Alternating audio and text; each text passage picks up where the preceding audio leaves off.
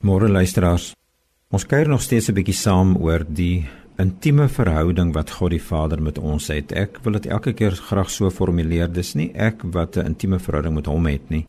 Dis hy wat na my toe kom in Christus en met die werking van sy Gees help my om te verstaan en te beleef. Dis hy wat kies om 'n verhouding met my te hê. En wat by my gebeur is, hy maak by my hierdie behoefte en hierdie begeerte wakker en hy stel deur sy Gees vir my in staat om te reageer op daai intimiteit wat van hom afkom.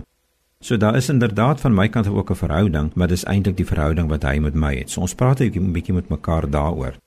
Nou sit vir my interessant as 'n mens kyk na beelde wat God in sy woord gebruik om vir ons te verstaan van sy grootheid en wie wat hy is. Byvoorbeeld sê net maar soos hy sê ek is die brood van die lewe daar by Johannes 6. As hy sê hy is die lig vir die wêreld. Met ander woorde beelde wat ons verstaan konsepte wat ons verstaan, gebruike wat ons verstaan en dan wil hy daarmee vir ons 'n geestelike boodskap oordra. As 'n mens byvoorbeeld kyk wat staan in Johannes 1 vers 18, dan sê ons Jesus wat aan die boesem van die Vader is. Aangrypende gedagte nê van Jesus wat kom ons sê teen die bors van die Vader lê. En nou beteken dit dat hy in Christus vir ons kom sê dis ook waar van my en jou dat dit wat Christus vir my en jou 'n realiteit gemaak het is dat ons teen sy bors kan lê. Nou sal baie ouens sê en julle sal dit miskien ook al gelees het en opgetel het wat ek al baie ouens gebruik die term van jy weet dat dat God met ons hierdie dans vat, 'n lewensdans vat en dat hy die een is wat die dans ken. Ons hoef nie die dans te ken nie. Al wat moet gebeur is ons gee ons oor aan hom en hy laat ons hierdie passies uitvoer. So dit sê iets van mooi en wonderlik en spesiaal en intiem.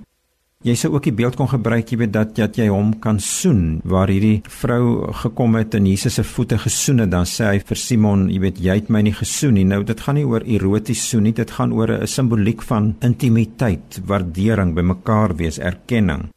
So dis asof die Here wil sê ek wil hê hierdie verhouding wat ek met jou het is so spesiaal en so besonder dat en ek wil hê jy moet dit geniet. So lê teen sy bors, gee vir hom jou hand laat hy met jou dans vra vir hom om jou te soen simbolies te soen en dat hy dan jou skeptisisme sal wegsoen, jou vrese sal wegsoen, soen jou vra, jou onsekerheid, jou bang wees dat hy dit sal wegsoen en dat jy soos Johannes die disipel ook genoem kan word, een van sy geliefde disippels, die geliefde een.